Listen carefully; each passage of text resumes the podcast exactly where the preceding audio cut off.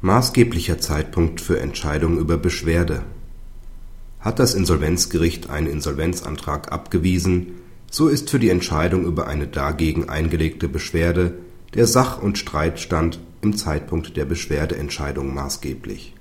Der gläubige Antrag der Beschwerdeführerin war vom Insolvenzgericht zurückgewiesen worden. Ihre hiergegen gerichtete sofortige Beschwerde blieb erfolglos die Rechtsbeschwerde führte zur Aufhebung und Zurückverweisung. Abgesehen davon, dass das Beschwerdegericht seinen Beschluss nicht mit Gründen versehen hatte, war es fälschlicherweise davon ausgegangen, es sei noch ein früheres Insolvenzverfahren über das Vermögen der Schuldnerin anhängig und aus diesem Grund fehle das rechtliche Interesse der Gläubigerin an der Insolvenzeröffnung. Der BGH weist für das weitere Beschwerdeverfahren darauf hin dass für die Frage, ob die Voraussetzungen für eine Eröffnung des Insolvenzverfahrens (Eröffnungsgrund, Deckung der Verfahrenskosten, rechtliches Interesse des Gläubigers) vorliegen, der Zeitpunkt der neu zu treffenden Entscheidung des Beschwerdegerichts maßgeblich ist.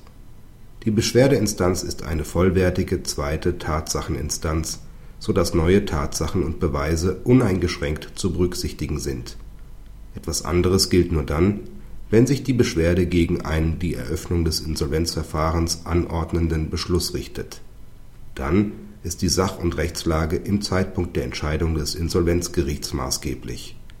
Auf den hier vorliegenden Fall der Ablehnung der Insolvenzeröffnung ist diese Rechtsprechung aber nicht übertragbar.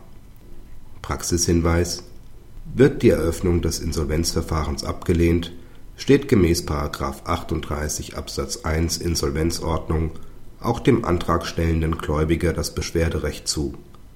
Dieser hat ein rechtliches Interesse an der Eröffnung des Insolvenzverfahrens, wenn ihm eine Forderung zusteht und er einen Insolvenzgrund glaubhaft macht. Liegen die Eröffnungsvoraussetzungen daher im Zeitpunkt der Beschwerdeentscheidung vor, muss auch eine Verfahrenseröffnung erfolgen